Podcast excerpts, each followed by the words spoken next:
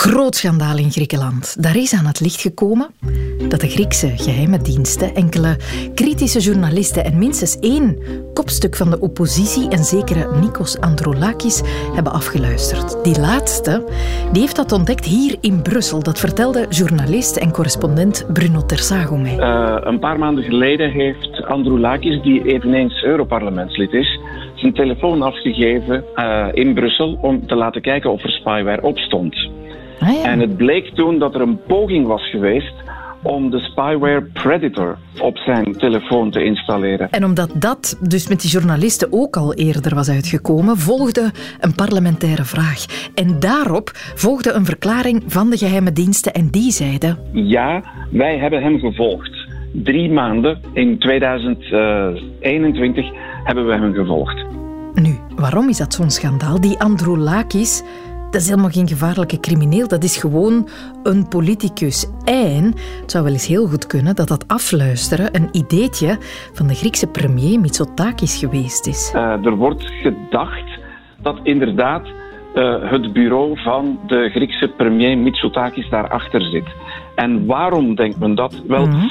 de Griekse inlichtingendienst wordt direct gecontroleerd door het bureau, het politieke bureau van de premier.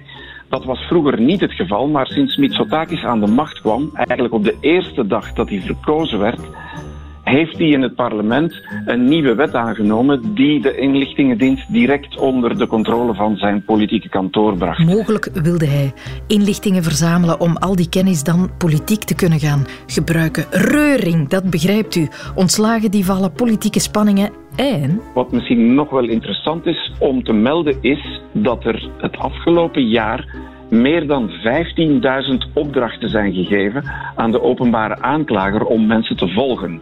Wauw. En dat getal heeft nooit zo hoog gelegen. Dat ligt meer dan 10 keer zo hoog dan 15 jaar geleden.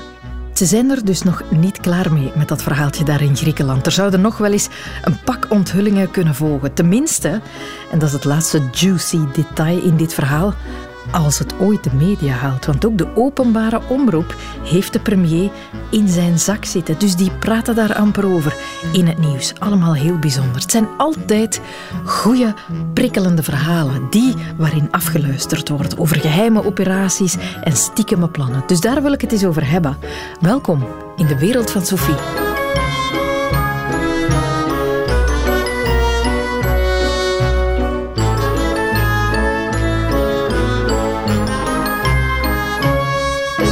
Dat Griekse schandaal werd meteen al vergeleken met het afluisterschandaal der afluisterschandalen, de Watergate-affaire. Het politieke schandaal dat 50 jaar geleden Amerika op zijn kop zette. Maar hoe zat dat ook alweer? Babette Mone recapituleert. Washington DC, 17 juni 1972, middernacht. Vijf mannen sluipen het hoofdkwartier van de Democratische Partij in het Watergate-complex binnen. Van zenuwen is geen sprake. Ze zijn hier al eerder geweest. Ze weten wat ze doen. Net als vorige keer plakken ze tape op de sloten van de zwaarste deuren. Zo lijken de deuren op slot, maar eigenlijk blijven ze open. Intussen doet bewaker Frank Wills zijn ronde. Well, I checked the basement floor and I found a small piece of uh, adhesive tape placed across the latch of the door, leading into the uh, office building. I took it off and I put it in my pocket. And I continue making my security check within the building. Hij ziet de tape, verwijdert hem en gaat verder.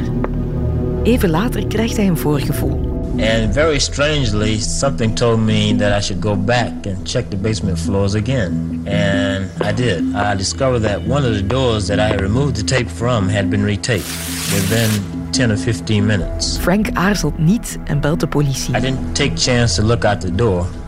I just uh, ran up, you know, and uh, to the security desk on the main floor. And I called Metropolitan Police and I, you know, reported that I thought something was suspicious.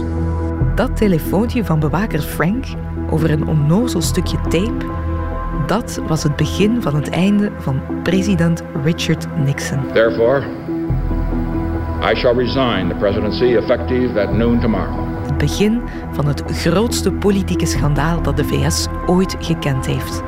Maar laten we niet op de feiten vooruitlopen. Voorjaar 1972. Richard Nixon zit met de handen in het haar. Hij wil er alles aan doen om in november herverkozen te geraken, maar het ziet er niet al te best uit. Zijn belofte om de oorlog in Vietnam te beëindigen heeft hij niet kunnen waarmaken en de peilingen zijn navenant. Nixon zal ijzersterk campagne moeten voeren. Zeker omdat er bij de Democraten een sterke kandidaat klaar staat. I am seeking the presidency not merely to change presidents, but to change the country. All I am asking is that we pledge a new beginning. Politiek talent, visie en charisma. Edmund Muskie had het allemaal. Maar tijdens de campagne gebeuren er vreemde dingen. Edmund Muskie staat bij elke speech en elk debat machtelozer. Het lijkt alsof Tricky Dicky al zijn munitie heeft afgenomen. Alsof hij anticipeert op wat Muskie wil zeggen. Alsof hij het weet. Muskie wordt wanhopig en daarvan profiteert zijn medekandidaat voor de Democraten, George McGovern. We're going to give Richard Nixon the retirement he so richly McGovern wint de voorverkiezingen en wordt uiteindelijk de tegenkandidaat van Nixon. En dat is goed nieuws voor Nixon, want McGovern mag dan wel een grote mond hebben, presidentieel materiaal is hij zeker niet. En zo gebeurt het never known a national election when I would be able to go to bed earlier than tonight. Dat Nixon mag tekenen voor een tweede ambtstermijn. Een ambtstermijn die hij niet vol zal kunnen maken. I shall resign the presidency effective at noon tomorrow. Want enkele journalisten waren hem op het spoor. Ergens tussen het vele verkiezingsnieuws door volgt er in juni dit nieuwsbericht. The Democratic National Committee is trying to solve a spy mystery. Began before dawn Saturday when five intruders were captured by police inside the offices of the committee in Washington. The five men carried cameras and apparently had planted electronic bugs. One of them had several crisp new $100 bills in his pocket. The police said they were thoroughly professional. The suspects are saying nothing, The Democrats say they have no idea who would want to spy on De vijf mannen die bewaker Frank de Grazen had genomen op het hoofdkwartier van de Democraten waren betrapt met afluisterapparatuur en cashgeld op zak. En de Democraten hadden geen idee wie hen zou kunnen bespieden. Bob Woodward en Carl Bernstein van de Washington Post hadden wel een vermoeden. When you pick it apart, it's the ugliest, dirtiest thing a president could ever do at that point. Now, what's the essential element of democracy? It's free and fair election. And he undermined that. Nixon had ervoor gezorgd dat niet Muskie, maar McGovern zijn tegenkandidaat werd. En op die manier zorgde hij dus ook voor zijn eigen herverkiezing. Nixon ontkende in alle talen. And I think too that I could say that in my years of public life that I welcome this kind of examination because people have got to know whether or not their president's a crook. Well, I'm not a crook. Maar het net sloot zich rond hem. En ironisch genoeg kwam ook dat door afluisterapparatuur. Afluisterapparatuur in die Oval Office die Nixon bij zijn aantreden zelf had laten verwijderen. Maar twee jaar later kwam hij terug op die beslissing en werden alle conversaties in de Oval Office en via de telefoon opgenomen. Dat ging soms over onschuldige dingen. Hello. I have Julie for you, sir. Oh. Hello. Hi, Daddy. I just want to check see how Pittsburgh went. Oh, it went very well. Really did. Oh, good. Maar ook belangrijke. We're back to the, the problem area because the FBI is not under control because Greg has exactly out of control and they have their investigation is now. Op de zogenaamde smoking gun tape is te horen hoe Nixon en zijn entourage bespreken hoe ze het onderzoek naar die inbraak in Watergate kunnen dwarsbomen. Therefore, I. Afluisterapparatuur werd Nixon dus op twee manieren fataal. Hij luisterde zelf af en hij werd betrapt op afluisteren door de afluisterapparatuur die hij zelf eerst had laten wegnemen. En dat allemaal door een klein stukje grijze tape en één paar erg oplettende ogen. Watergate-schandaal, u nog eens verteld door Babette Mone. Sindsdien wordt elk politiek of mediaschandaal, ook in Amerika, met een gate bekroond. Zo had je sindsdien Irangate, Climategate en zelfs Nipplegate. Die keer, weet je nog, toen Janet Jackson plots een tiet ontblootte tijdens de Super Bowl in 2004. Nu, pas op, wij hebben hier ook ons kleine Watergate gehad. Van een iets andere orde, dat moet ik er wel bij zeggen. Maar herinnert u zich, twintig jaar geleden, toen toenmalig CD&V-voorzitter Stefan de Klerk via zijn telefoon per ongeluk iets hoorde wat niet voor zijn oren bestemd was. Een gesprek tussen partijgenoot Johan van Hekken en Open VLD-voorzitter Karel de Gucht. Het was onmogelijk voor Stefan de Klerk om niet te luisteren. En wat hij hoorde, deed hem net niet van zijn stoel vallen. Toevallig, of misschien niet zo toevallig, is de klerk intussen voorzitter van Proximus en dus dag in dag uit met telefonie bezig. En dus besloot Wart Bogaert hem nog eens op te zoeken om de hele historie nog eens op te rakelen. Ik was uh, voorzitter van de partij, CVP-CD&V geworden. En, uh, dus dat was inderdaad een moeilijke periode, omdat we voor het eerst in oppositie waren terechtgekomen. De tegenstellingen konden dit weekend nauwelijks duidelijker zijn. Crisis, uh, er was wat aanval op de partij, maar er was ook discussie binnen de partij. Heeft de CD&V zoals u ze nu kent nog een toekomst? Ik geloof het absoluut. Maar ik denk dat Stefan de Klerk een enorme taak heeft om van zijn partij opnieuw een volkspartij te maken. En het gevolg was dat, ja, dat men vanuit de VLD nogal op jacht was op uh, onze leden en dat er ook malcontenten waren binnen onze partij. En dus probeerde Karel de Hucht, die voorzitter was van de partij uh, van de VLD, mensen af te werven eigenlijk. Ja. En ja, dat lukte aanvankelijk niet, maar op zekere dag kreeg ik telefoon. CD&V-voorzitter De Klerk zegt dat hij via telefoon een gesprek heeft gehoord tussen Johan van Hekken en Karel de Gucht van de VLD. Johan van Hekken belde mij. Die zei, ja, ik uh, stap over. En ik uh, zat, ja, ik was een beetje verbouwereerd, omdat ik alles gedaan had wat mogelijk was om hem in de partij te houden. Uh, maar hij zei, ik ben weg. En ik bleef zitten en ik blijf even aan de lijn, omdat ik zo geconsterneerd ben door, door, door het gesprek dat gevoerd wordt. En ja, plotseling hoor ik Karel de Hucht.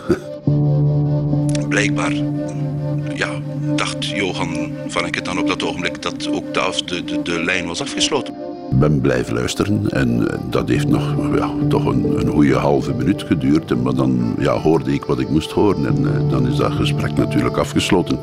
Uh, U heeft niet nog eens geroepen, hallo, ik hoor u nog? Nee, ik heb dat niet gedaan. Ik, was, uh, ik moet eerlijk zeggen dat ik wel wat van mijn melk was. Dat ik wel wat allez, onder... ja, ik was gechoqueerd natuurlijk, omdat ik, het was zo concreet, het was zo direct kom, laat ons een whisky drinken. Laat ons daarop een whisky drinken. Zei Karel. Dat was dus wel shocking.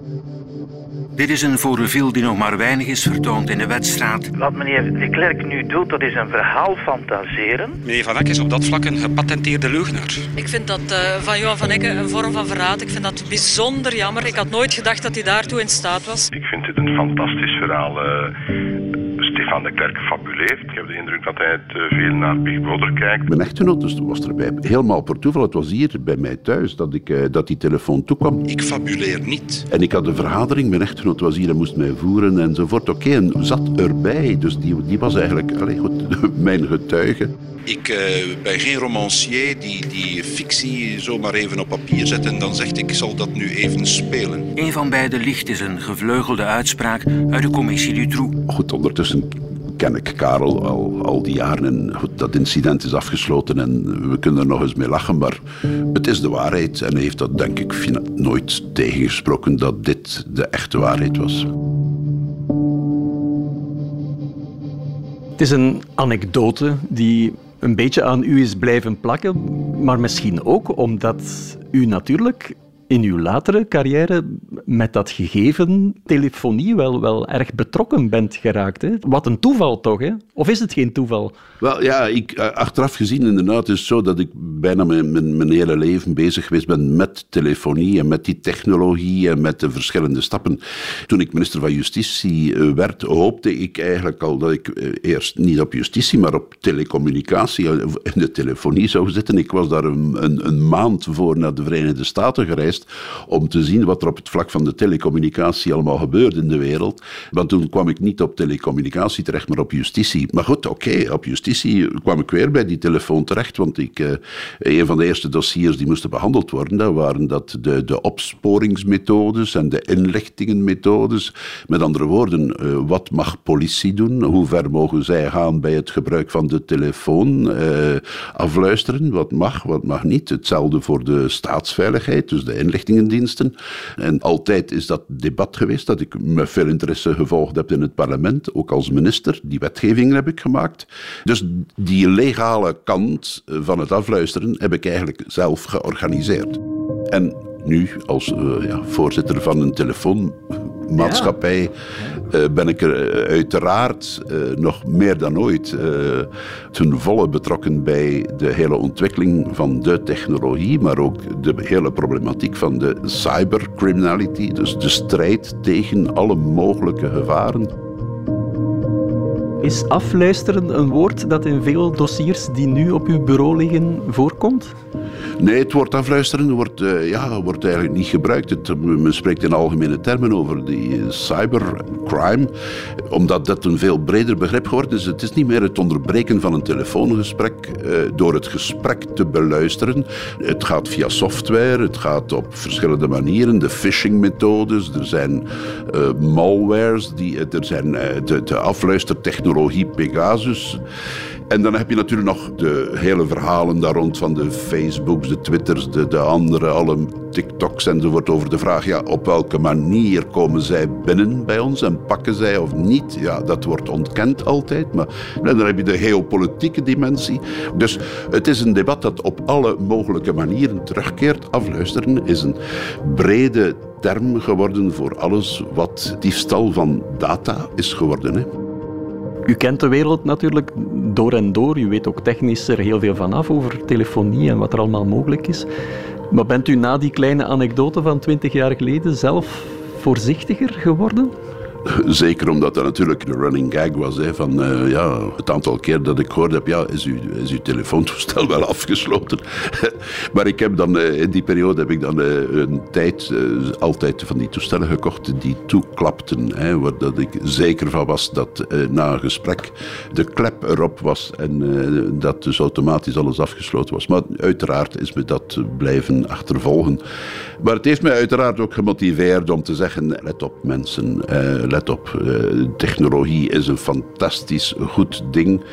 Maar uh, tegelijkertijd moet je toch wel altijd lucide blijven, helder blijven, oppassen. Uh, maar dus telefonie, ja. Dus ik, uh, op alle mogelijke manieren ben ik erbij betrokken.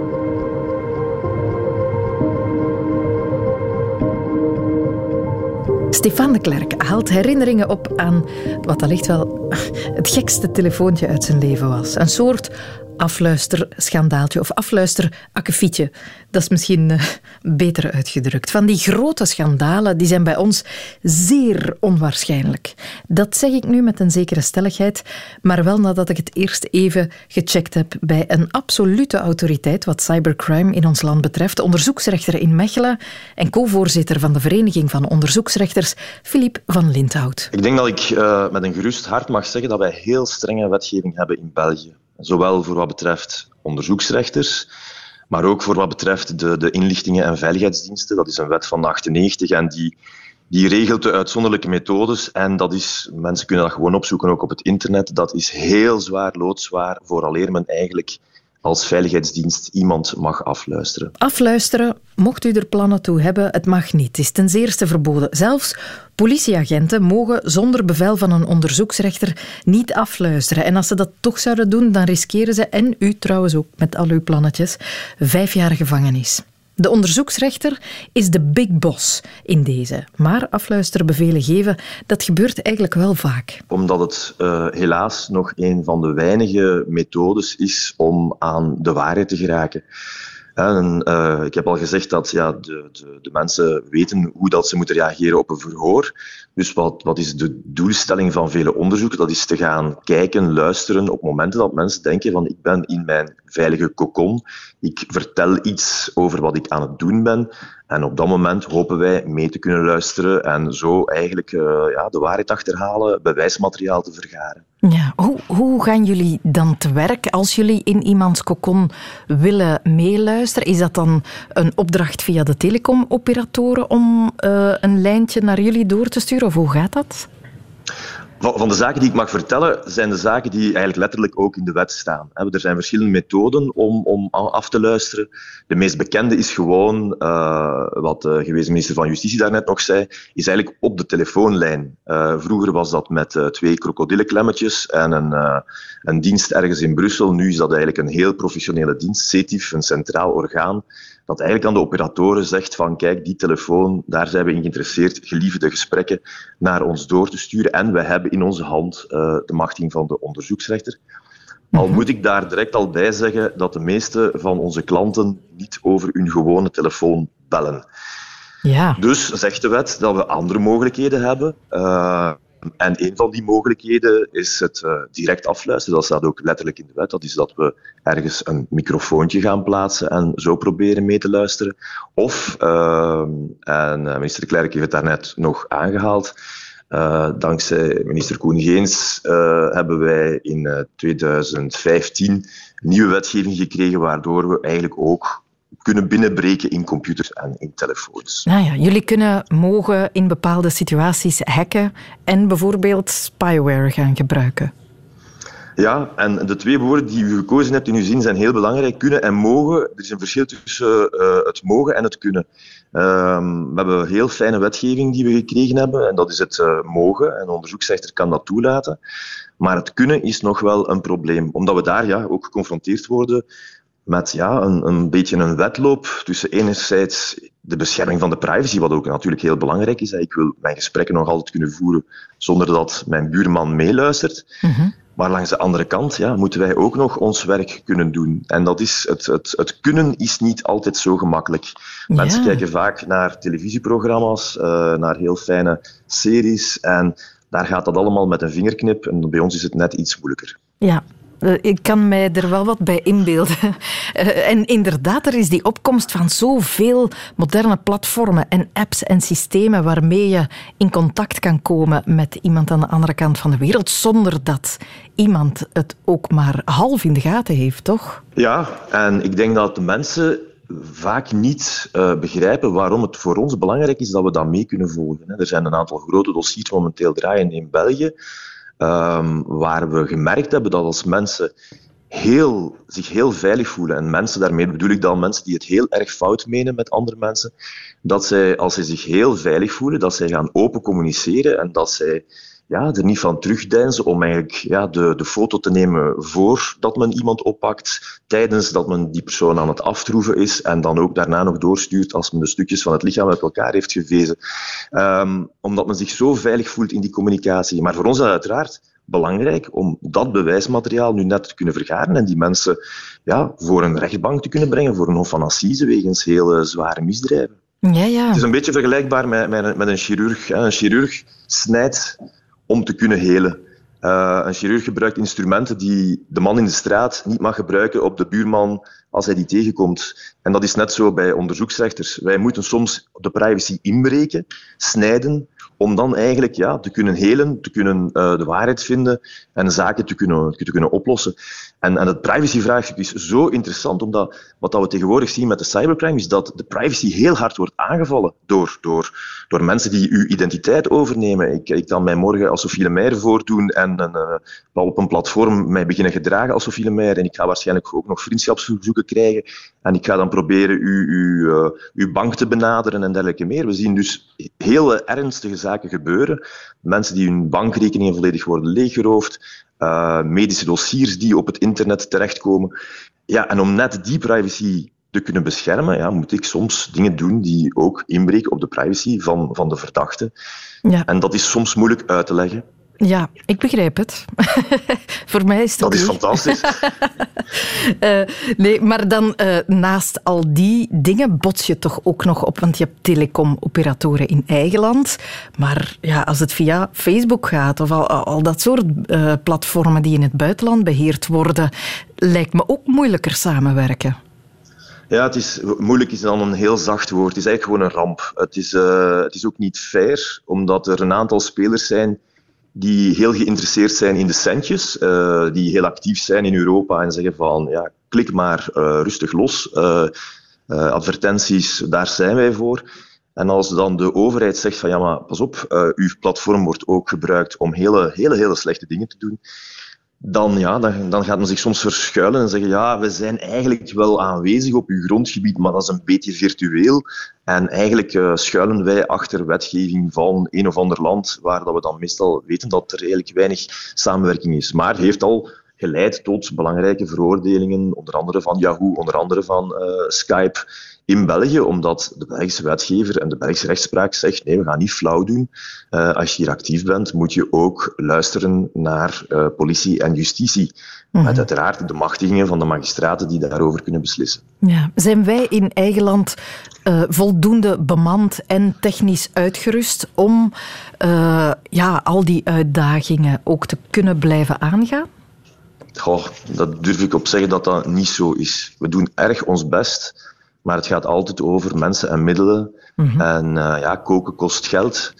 En ehm, u, u zal in de media ook al gehoord hebben dat er op vele plaatsen geroepen wordt vanuit de federale politie, vanuit het federaal parket, vanuit de parketten, om te zeggen van ja, we zitten een beetje met het water aan de lippen en we zitten eigenlijk al lang met het water aan de lippen. Maar ja, ik ben hoopvol. We hebben fantastische universiteiten in België. We hebben eigenlijk de kennis, denk ik, en de kunde om zo'n zaken op te lossen. En dus ik vraag me altijd af waarom dat we altijd naar het buitenland moeten gaan om, om, om zaken te gaan halen, gaan kopen, eh, om die dingen te doen. We zouden beter een keer als thinktank onze koppen bij elkaar steken en zelf naar oplossingen zoeken. Ja, om die inderdaad, die, het is een soort wapenwetloop met de criminele wereld, eh, om daar toch mee in te kunnen blijven eh, strijden. Ondertussen wrijven de cybercriminelen in hun handjes. Het is een soort wilde westen waar zij in kunnen opereren.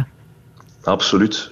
En je ziet dat ook in de criminaliteitscijfers. Allee, het is al een tijdje geleden dat we in het nieuws eh, een bericht kregen van een, van een man of vrouw met een uh, nylonkous over het hoofd getrokken met een afgezaagde tweeloop die een bank binnenwandelt. Want ja, de criminelen weten dat dat niet zo een goed idee is, eh, omdat ze weinig gaan kunnen vangen daar en dat de kans reëel is dat bij het buitengaan dat er een eh, politiekogel in hun been terechtkomt.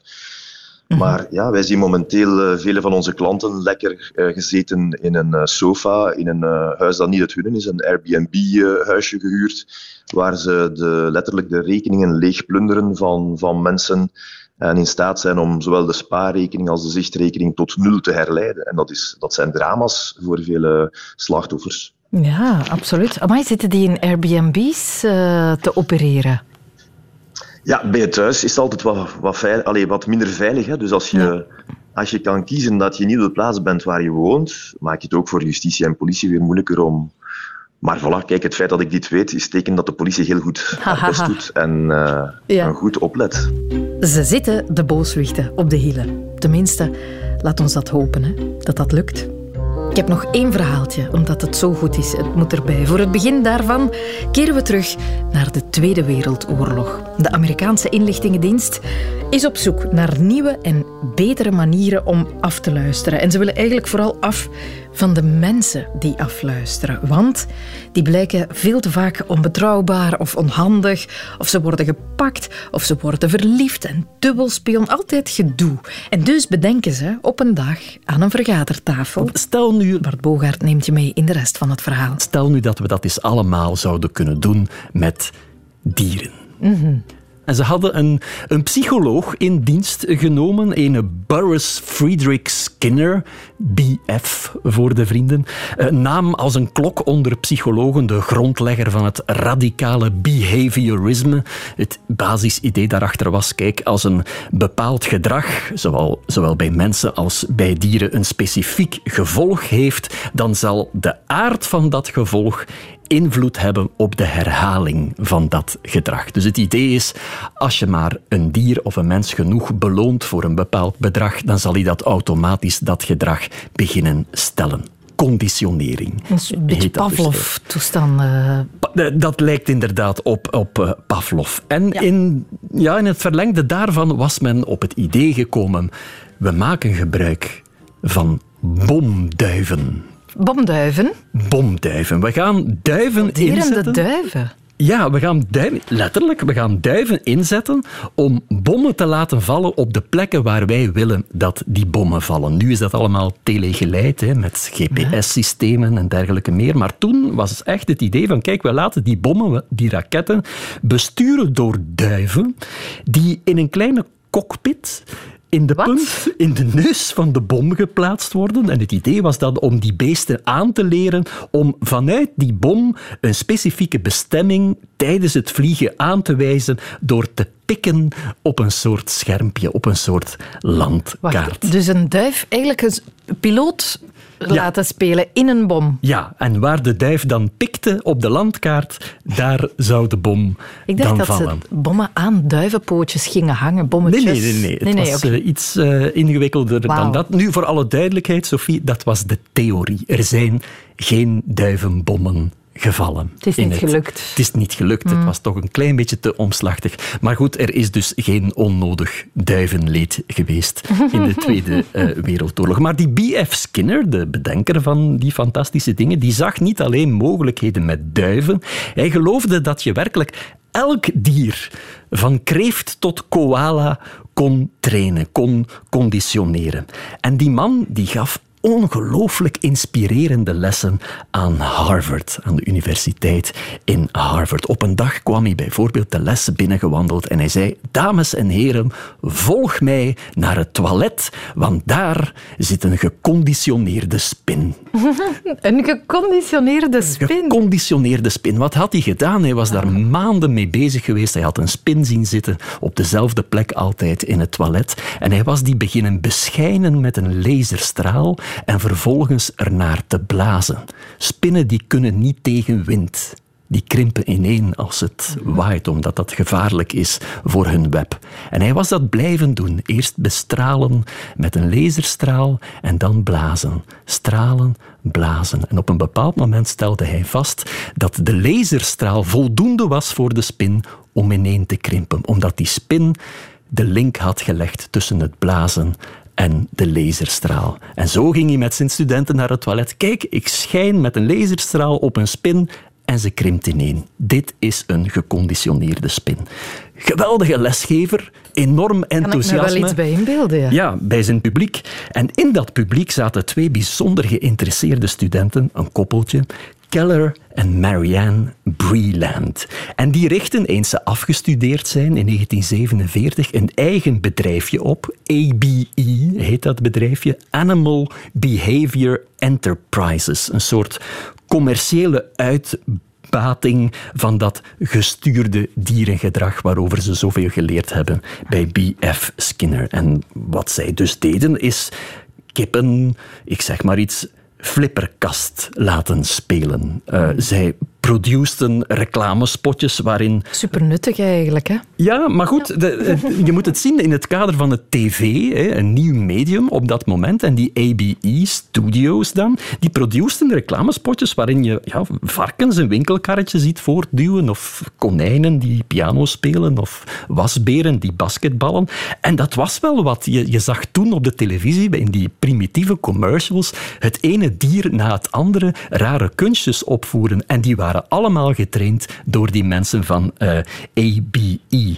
En die mensen werden dus ingeschakeld door grote spelers, door Walt Disney bijvoorbeeld. Die werden ingeschakeld door zoos, door pretparken om automaten te leveren, bijvoorbeeld, waar je een centje instak en dan kon je een kip allerhande rare trucjes eh, laten doen. En dat was zo'n succes, mensen keken daar zo graag naar, dat ze in 1955 een eigen zoo zijn begonnen. Met allemaal van die malle dieren. Met allemaal van die malle dieren, dierenshows. De IQ Zoo heette dat in Arkansas, in Hot Springs in Arkansas.